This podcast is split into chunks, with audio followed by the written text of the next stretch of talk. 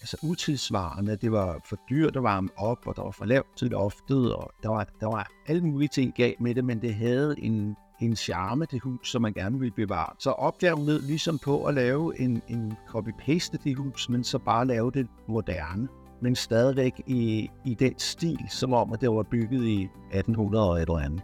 Velkommen til Drømmevillaen. Podcasten, hvor vi jagter den nybygger drømmen. Jeg er din vært Morten, og sammen med min hustru Ellen, håber jeg snart at komme i gang med vores drømmevilla. I dag har jeg besøg af Rolf.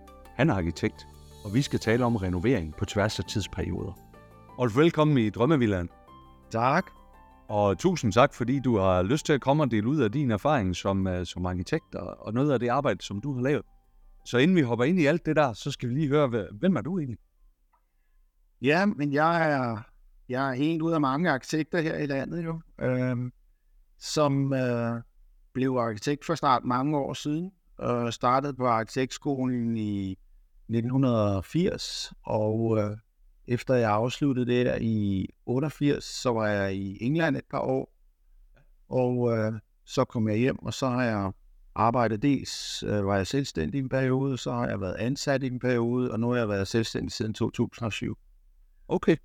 Og det er mest øh, privatboliger og, og villager, som jeg har beskæftiget mig med øh, stort set hele vejen igennem. Jeg har også haft andre opgaver, og jeg har også øh, været inde i noget anden design, øh, lavet nogle møbler og lavet noget industrielt design og sådan noget. I, og jeg har lavet en lidt større byggeri også, været involveret i hen og vejen. Men øh, hovedtemaet for mig, det har været at lave privatboliger. Har du så nogen idé om, hvor mange øh, boliger du har været med til at tegne, eller bidrage til, eller været i gang med som projekter i, i din karriere? Åh, oh, nej, ikke umiddelbart. Det er jo nok omkring 300 boliger eller sådan noget lignende, tror jeg. Men der er, nogen, der er nogen, der bliver til noget, der er nogen, der ikke bliver til noget. Der er nogen, der er nogle små, bitte projekter, og nogen bliver lidt større, så... Ja. Men Ja. Øh, det, det, bliver, det, bliver, det er en del... Øh, hvis man træder det hele råberstop med, så er det i hvert fald en del. Er der så, har der så været en rød tråd imellem, igennem noget af det, som du har, du har tegnet? Er der et eller andet, som, som, hvor man kan sige, det bliver Rolfs særpræg, det her? Øhm, nej, det ved jeg ikke.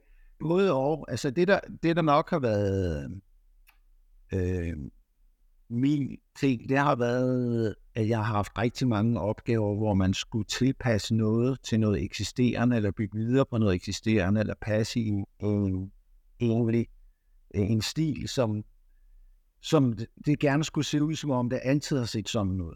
Så har jeg jo haft nogle enkelte opgaver, hvor man skal sige, her skal vi lave noget, der gerne må være helt anderledes, øh, og være helt sit eget, øh, som så ikke behøver at følge den stil, som, som det eksisterende hus har været, eller også et, en, en helt ny bolig, som øh, altså man har haft en baggrund, eller revet ned, hvad der har været, og så har man lavet noget helt nyt. Ja. Det har som regel altid været øh, øh, ud fra kundens øh, drømme, visioner, at det en eller anden stil, eller et eller andet, de har set, eller noget, de gerne vil have det, det skulle ligne, som, Ja. man, som man har prøvet på at arbejde sig hen mod. Ja, okay. Så man kan okay. sige, at, at der, der har været meget bundne opgaver på mange måder. Ikke? Det, er ikke, det er ikke mange opgaver, jeg har haft, øh, som, hvor man bare har haft frit spil. Det har altid været bundet enten af, at der var en eksisterende bygningsmasse, man skulle forholde sig til, en eksisterende stil eller et område, øh, eller af en kunde har haft en, en meget specifik idé om, hvordan det skulle se ud, og så var det et spørgsmål om at, at virkelig gøre det. Ja, okay. Så. okay. Er der så et bestemt projekt, som du sådan er særlig stolt over, eller som du tænker over, eller hvor du synes, du gjorde den store forskel, eller når du møder folk i en uh, social sammenhæng, at, uh, at det, er så, det er så det projekt, du spørger om, eller fortæller om, som er sådan det mest, uh, hvad kan man sige, uh, interessante? Uh, både ja og nej. Det, øh, altså, der er nogle projekter, hvor man kan sige, at man, man har været mere involveret i end, end andre, ikke? Altså, hvor man har brændt mere for end andre, men egentlig, så synes jeg ikke, der er sådan et projekt, hvor jeg vil sige, det er projektet. Nej. Øh, det, det, det er mere, der, det, det er jo meget en helhedsting. Det er lige så meget et spørgsmål om, at når man, når man går i gang og tegner et projekt for en bygherre, så udvikler man et forhold til, til hinanden, øh, som kan være mere eller mindre gunstigt, og, og de eksempler, hvor det ender gunstigt, og hvor man snakker godt sammen, og hvor man finder nogle gode løsninger, og, og man er enige om tingene hele vejen, det, det ender jo tit med at være de projekter, man holder mest af bagefter. Ja, lige præcis. Lige præcis. Nogle gange så ender du lidt ude i kanten af faget, hvor du siger, det her det er sådan egentlig ikke noget, som jeg selv synes er smart og godt, og det er egentlig heller ikke noget, jeg selv ville have tegnet. Øh, men man ender med at gå på kompromis, fordi at kunden har de her ønsker, og man vil gerne være med til at indfri deres ønsker. Ja. Og så, så, så tegner man noget, som man ikke selv ville have gjort måske, men som så ender med at, at blive okay, fordi at kunden er glad for det, og man kan stå inden for det. Og så er der, så er der nogle gange, hvor at man ikke kan mødes, og så ender som regel samarbejdet der. Ja, ja. Fordi man er forlamt fra hinanden. Men det vi jo så skal tale om i dag, det er jo egentlig det her med, om, om de vilde idéer, om din idé, den er for vild. Så, så, så, så kan man sige, at en idé, den kan blive for, for vild, eller kan blive for, du kaldte det vist på grænsen af, af, af arkitektfaget, ikke? Ja, Jamen altså, nogle gange, så, så, så havner man jo i nogle projekter, hvor man kan sige, det her, det er, det, det bliver simpelthen for mærkeligt, eller det bliver for grimt, eller det kan jeg simpelthen ikke få til at hænge sammen inde i mit hoved, til at se, at jeg kan få et helt projekt ud af det, ikke? Og, og, ja. og så, bliver det, så bliver det ikke til noget. Og, og dem har jeg haft nogle af.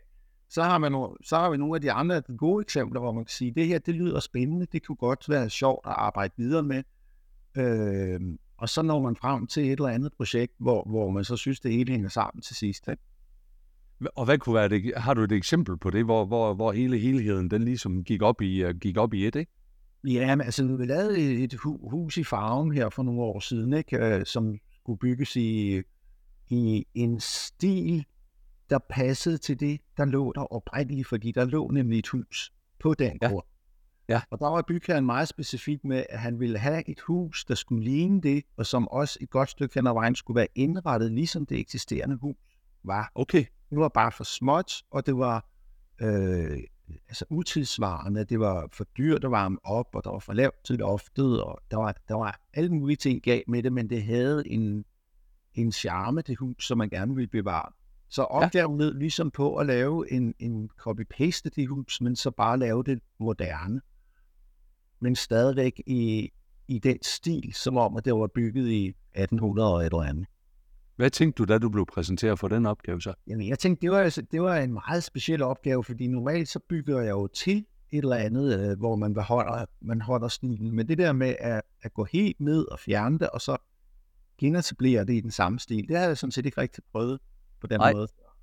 Nej. Og, men, og der, kan, der står man jo så i, i et valg at sige, jamen, er det noget, man øh, vil gå ind i, eller er det noget, man siger, nej, det, det vil jeg ikke gå ind i, fordi det, det er ikke lige mig. Ja. Men jeg valgte at gå ind i det, fordi jeg synes, det var sjovt, og fordi jeg havde en, en rigtig god dialog med bygherren. Og så gik vi igennem en masse forskellige eksempler på, hvordan det her hus det kunne se ud, og hvor stort det skulle være, og taghældning og, og alt muligt. Men der lå ligesom helt fast, at det, at det var det her bundestil med stråtægt hus og så videre, som det skulle ende. Okay. Okay. Så og, og så man kan sige, øh, og det er jo der, hvor jeg siger, hvornår, hvornår er det, vi snakker om kulissearkitektur? Fordi når du bygger noget, som er en kulisse, men som egentlig ikke modsvarer den tid, vi lever i, så, så, så kan jeg godt finde på at kalde det på kulissearkitektur. Og det, det kan være ret sjovt, og det er der faktisk ret meget, der bliver bygget af i dag. Hvis man kigger på hele markedet, så er der jo faktisk ikke ret meget, der bliver bygget, som er sådan helt ny, moderne arkitektur, der afspejler den tid, vi lever i. Men så for, så for at kunne sige det, så bliver man jo også nødt til at sige, hvad er så det, der definerer arkitekturen i dag? Altså, hvad er så det, der bliver bygget i dag? For at sige, det, der så stikker sig ud, det er så det, der ikke passer ind i den ramme? Eller hvordan? Ja. Ja, men det er jo et meget filosofisk spørgsmål i virkeligheden, ikke? Fordi der, der, kan, der har du jo et, en meget bredt spektrum i, hvad, hvor er man henne som arkitekt? Altså man kan sige, som arkitekt, der, be, der, be, du befinder dig helt fra at være den helt praktiske mand, som skal få det hele til at gå op. Øh, økonomi og lovgivning og bygningsreglementer og lokalplaner og alt muligt, over til i den helt anden ende, hvor du er en ren kunstner, og hvor ja. man måske egentlig ikke interesserer sig så meget for, om det er praktisk, eller om, om hvad det koster, og ja, og så videre, og så videre, ikke? Jo.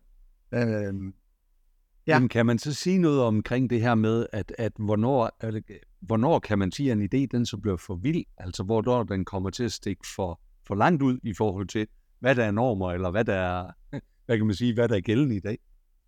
Jamen, det tror jeg, det er, det er jo nok den, øh, den enkelte arkitekt og, og bygherre, der ligesom må finde ud af, hvor grænsen går for det. Der er jo i princippet ikke noget, der er for vildt. Altså, det er jo, det er jo op til en selv, om man selv kan stå inden for det, man tegner, og, og det projekt, det er indhold. Man kan også sige, at med selve karakteren af det projekt, du laver, hvad, hvad, hvem er det, du tegner for? Altså, ja. øh, det, er jo ikke, det er jo ikke ligegyldigt. Altså, man, et eller andet sted, så har man måske også øh, en politisk holdning til nogle ting. Vil man tegne det, eller vil man ikke tegne det for ja. en bestemt bygherre? Ikke? Jo, Altså, så, så nu kalder du på de der personlige holdninger for bygherren, men er der ikke også nogen, det har vi i hvert fald talt med andre arkitekter om, og også i her i podcasten, det her med, at man tegner noget, der passer ind. Altså, hvis man nu kommer ud i et, i et øh, kvarter, der har en vis stil, selvfølgelig er der noget lokalplaner og lovgivning, som skal overholdes, men der er vel også noget hensyn at tage til selve området, eller hvordan? Øh, det ved jeg ikke, om jeg synes, der er. Øh, det kan man godt sige, at der er måske, men altså, der vil jeg lade det falde tilbage til min egen intuition, tror jeg, om man synes, at der er noget, der virker helt forkert. Altså i princippet så har jeg nok lidt den omvendte holdning, at jeg synes, at øh, man er gået alt for langt den anden vej med, at man laver lokalplaner, som nærmest bestemmer, hvad der skal være på taget og hællingerne af dem, og hvad der er for nogle mursten og hvor store vinduer der skal være. Det er, jo, det er jo helt absurd, at vi har fået sådan en politistat, hvor at man skal bestemme over, hvordan naboernes hus skal se ud, og så skal de alle sammen, ender de alle sammen med at komme til at se mere eller mindre ens ud. Det bliver sådan enormt kønsløse, upersonlige, ligegyldige boliger, hele boligkvarterer, der er spækket med dem, og man ser det over alt i landet. Ja. Altså, og det synes jeg er et meget større problem, end der, er, end der er nogen, der kommer og siger, nu vil jeg bygge mit helt eget øh, egoisthus, som er helt anderledes end alle andre, og så videre. Ja. Det, det er jo et eller andet sted meget mere interessant, at der er nogen, der kommer med noget karakter. Det er også dem, der bliver snakket om, og dem, der kommer i avisen og så videre, som ja. er som anderledes, og som vil noget selv. Ikke?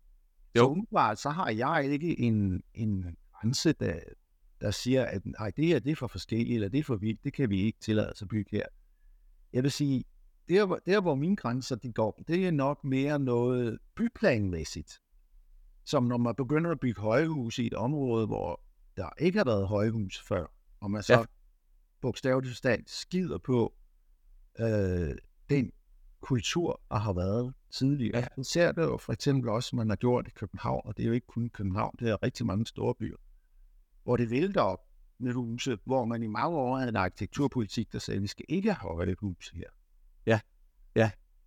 Det, Jamen. det der synes jeg, at det er mere interessant. Men det er jo, det er jo noget øh, lovmæssigt regulerende i virkeligheden. Ikke? Ja, lige præcis. Det, det, havner jeg jo ikke i, når jeg bygger privatboliger. Fordi der ligger der et bygningsreglement, som helt klart fortæller, at du må ikke bygge mere end 8,5 meter i højden, og fleste steder må der ikke være mere end halvanden etage, ikke? selvom man godt kunne tænke sig at bygge to etager nogle gange. Ja, lige præcis. Lige præcis. Øh. Vi har faktisk haft et eksempel på, på en, øh, jeg tør godt kalde ham vild, fordi det ved han også godt, han er en øh, vild husbygger. Han er ombygger fra, det var episode 42, vi havde her i podcasten, som hed Borgen i Gistrup. Og han har simpelthen taget sit parcelhus, og så har han bygget det om til en borg. Så, så, så der er der jo selvfølgelig, det, det, det deler vandene, ja. men det er da et eksempel på noget, som der stikker ud i hvert fald. Ja. Så, øh, så, og jeg tænker også, det er de færreste mennesker, der vil, der vil bygge det. Men Peter, han har været tro imod, sit, tro imod sit, sin drøm, og har taget det vildt ud. Ja. Prøv at høre, hvis det er, man så vil bygge noget, altså lad os sige nu tilbage til det der eksempel, du havde, det her med det romantiske landhus, husmindst. Ja hvordan, hvordan kan man så, hvis man vil det, hvordan kan man så lykkes med egentlig at bygge sådan et nyt hus i den stil, hvis det er det, der er ens drøm? Hvad skal der til? Altså, tænker du som fra arkitektens side, eller fra bygherrens ja. side? Ja. Eller? Fra, fra arkitektens side af? Ja. Jamen, jeg tror fra arkitektens side, altså, min indgangsvinkel til det, det er altid, at det her projekt, det skal jeg gøre så godt, som jeg overhovedet kan, sådan at jeg både opfylder nogle krav, som jeg stiller til mig selv, men også bygherrens krav. Ja. Øh, så det kan jo altid være noget med at gøre det, forenkle det, at lave nogle rene linjer, og prøve at være tro mod øh, den stil, man bygger i, ja. og få, få det til at harmonisk at hænge sammen. Ikke? Men nu kaldte du også det her øh, kulissearkitektur. Ja. Så hvordan sørger man for, at det ikke som bliver noget kunstigt noget, eller det er noget, som egentlig, altså, som er noget, som er helhjertet i det, som man får bygget, eller det, man får samlet der? Øh, det, det ved jeg ikke, om man sørger for. Altså, det, det er en del af processen, at, at man arbejder med tingene og siger, rent proportionsmæssigt ser det her fornuftigt ud, eller tilter det til den ene eller den anden side, eller bliver det her for voldsomt, eller bliver det her for overspillet eller underspillet. Altså det, du typisk ser, hvor, hvor sådan nogle ting går galt, det er jo, at man, man får sprængt nogle dimensioner øh, imellem for eksempel tag og vinduer, vinduestørrelser og sprosser og øh, murflader i det hele taget. Ikke? Det, er jo, det er jo der, sådan den almindelige øh, sans for arkitektur kommer ind, at man et eller andet sted skal kunne proportionere de der ting, så, det, så ja. de hænger sammen på en fornuftig måde. Ikke? Og, og, og der tror jeg, at der, der er det jo ude i noget individuelt, fordi der vil forskellige arkitekter, de vil løse opgaver forskelligt. Ikke? Jamen det er der, det personligt kommer ind og siger, at, at der laver jeg tingene sådan, at, at jeg følger, jeg prøver på at være tro mod mig selv, ikke? sige, jamen det her, det synes jeg ser rigtigt ud, det her, det virker harmonisk for mig, og så prøver jeg jo selvfølgelig på at påvirke bygherren, og til at overbevise om, at det her, det er mere rigtigt, end det her er, ikke? og det der, det synes jeg, det er den forkerte vej, og så videre. Ikke? Men det må også handle om at være meget tro imod. Altså, du skal også vide noget omkring den arkitektur i den tid, vel? Altså, hvis vi tager tilbage til, til landmandsstedet her, jamen så, jeg kunne forestille mig, der er, en, der er en masse viden, der også kan på bordet, så man får de rigtige vinduer, man får de rigtige højder, man får de rigtige dimensioner. Jamen, så tro, så tro synes jeg måske ikke, at man behøver at være, fordi altså igen, det, du laver et stykke moderne arkitektur, så derfor kan du godt springe nogle rammer og sige, nu laver nogle vinduer, der måske er meget større, end man oprindeligt ville have gjort, hvis man byggede for 300 år siden eller et eller andet. Ja. Altså, hvor det hele var meget småt. Vi kan godt, vi kan godt arbejde med temaet, og så alligevel springende, sådan at du putter nogle nye elementer i. Og det er jo også det, der gør det spændende ved arkitektur, det er, at du både blander nyt og gammelt sammen. Og så skal du bare gerne helst ende med noget, der virker harmonisk i den sidste ende. Ikke? Har du, var der eksempler på noget, nogle greb, I gjorde der med, med den her villa oppe i uh, landsted oppe i Farven? Der, ja. Var der nogle eksempler på noget, hvor I sagde, at her var, var vi to ved bevidst valg? Som ikke var uh, tro imod uh, den tid, som det her hus egentlig måske skulle være opført i? Ja, altså der var, der var flere ting, ikke? Altså der, man gentog nogle elementer, som man nok ikke ville have gentaget øh, oprindeligt. Øh, de blev lavet sådan nogle, nogle høgab, som blev brugt som element hele vejen rundt. Og normalt så havde man jo kun et høgab et eller andet sted, fordi det var der, man, man, man hejste øh, sikke og materialer og, og og ting ind og ud af bygningen. Her, der brugte vi det jo ligesom et tema hele vejen rundt i, i huset. Ikke? Ja. Øh, der, der var nogle størrelser på nogle, på nogle øh, terrassedøre og sådan noget lignende, som man ville aldrig have gjort i den stil der. Okay. Øh, for, for flere hundrede år siden. Der var ikke lavet som store åbninger, som, som man gjorde i dag, fordi der var, man var ikke så fokuseret på at få lyset ind, som, som man er i dag. Altså man bruger boligen på en helt anden måde i dag. Ja, lige nok det. I dag har vi et problem med, med at holde varmen i husen og så videre, og i gamle dage, der var vinduer, det var jo altid der, at, at, at armen først og fremmest piblede ud. Ikke? Ja, lige nok det. Så, så på den måde, så, så, så blev der lavet en masse ting, som er anderledes, ikke? Som, som jo også gør, at det ligner et moderne hus, ikke? og ikke ja. Altså, man er ikke i tvivl, når man ser huset om, at det der, det er ikke bygget for 300 år siden, men det holder stadigvæk nu en stil, som gør, at det passer ind med det, der var der oprindeligt, kan man sige. Ja. Jamen, jeg sidder og ser på nogle billeder af det nu her, Mm. Øh, og og der, jeg kan også se, at der er en kælder på det. Der er en udvendig trappe ja. nedgang eller opgang. Det er jo heller ikke sådan helt tidstypisk for, for, for den tid, tænker jeg. Nej. Der skulle oprindeligt ikke have været en kælder eller på det hus. Okay. Det kom, det kom til, fordi vi manglede simpelthen noget plads, selvom det var et stort hus. Så manglede der noget plads til nogle funktioner. Øhm, dels så var der et behov om, at man gerne have en, en eller anden form for en viktualkælder et eller andet sted i huset, som oprindeligt bare skulle have været en lille bitte kælder, som der var i det oprindelige hus.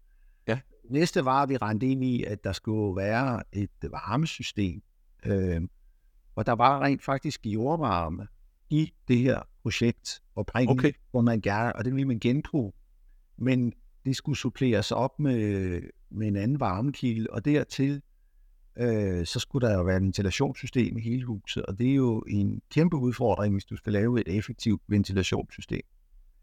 Og øh, især fordi, at i det her projekt var der også øh, en masse krav til, øh, altså til, til lydisolering mellem forskellige rum. Ja.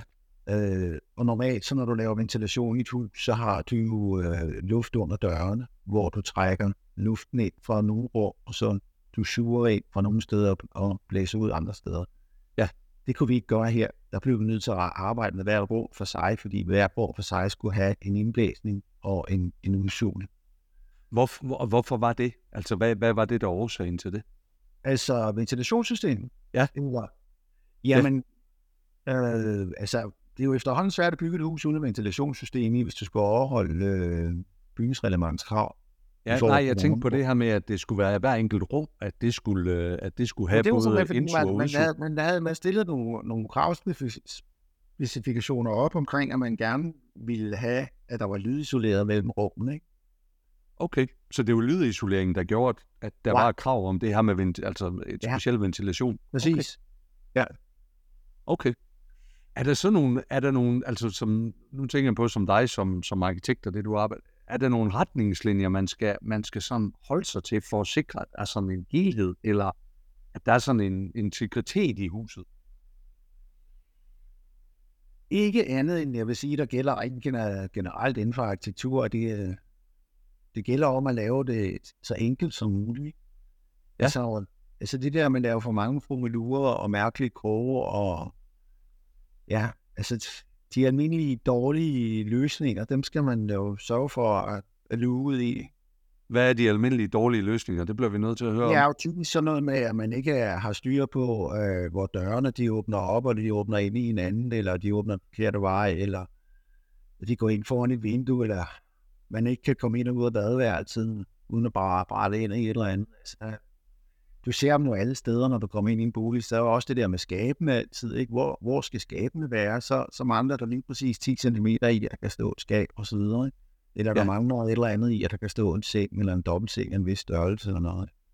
Altså, det, der har jo en masse ting, som når man har arbejdet med de der øh, indretningsmæssige ting gennem mange år, som man, man lynhurtigt spotter. Det gør man jo også, når man kommer ud og ser et eksisterende hus. Hvis folk lige ved at købe et hus, som man kommer ud og gennemgår, ikke, så finder man jo meget hurtigt de steder, hvor der er nogle problemer.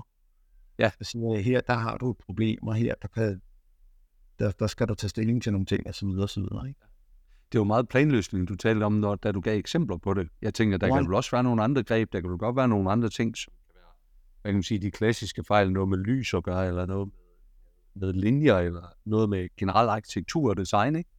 Ja, det synes jeg er svært at sige noget generelt om, fordi jeg synes, det er så individuelt fra projekt til projekt, hvordan, øh, hvor kommer lyset fra, hvor, øh, hvor er verdenshjørnerne henne, øh, har naboen en eller anden kæmpe stor grim øh, gavl eller et eller andet, som man ikke har lyst til at kigge på, så derfor så overvejer man at flytte vinduerne eller gøre et eller andet andet. Altså det, det synes jeg er svært generelt at sige noget om.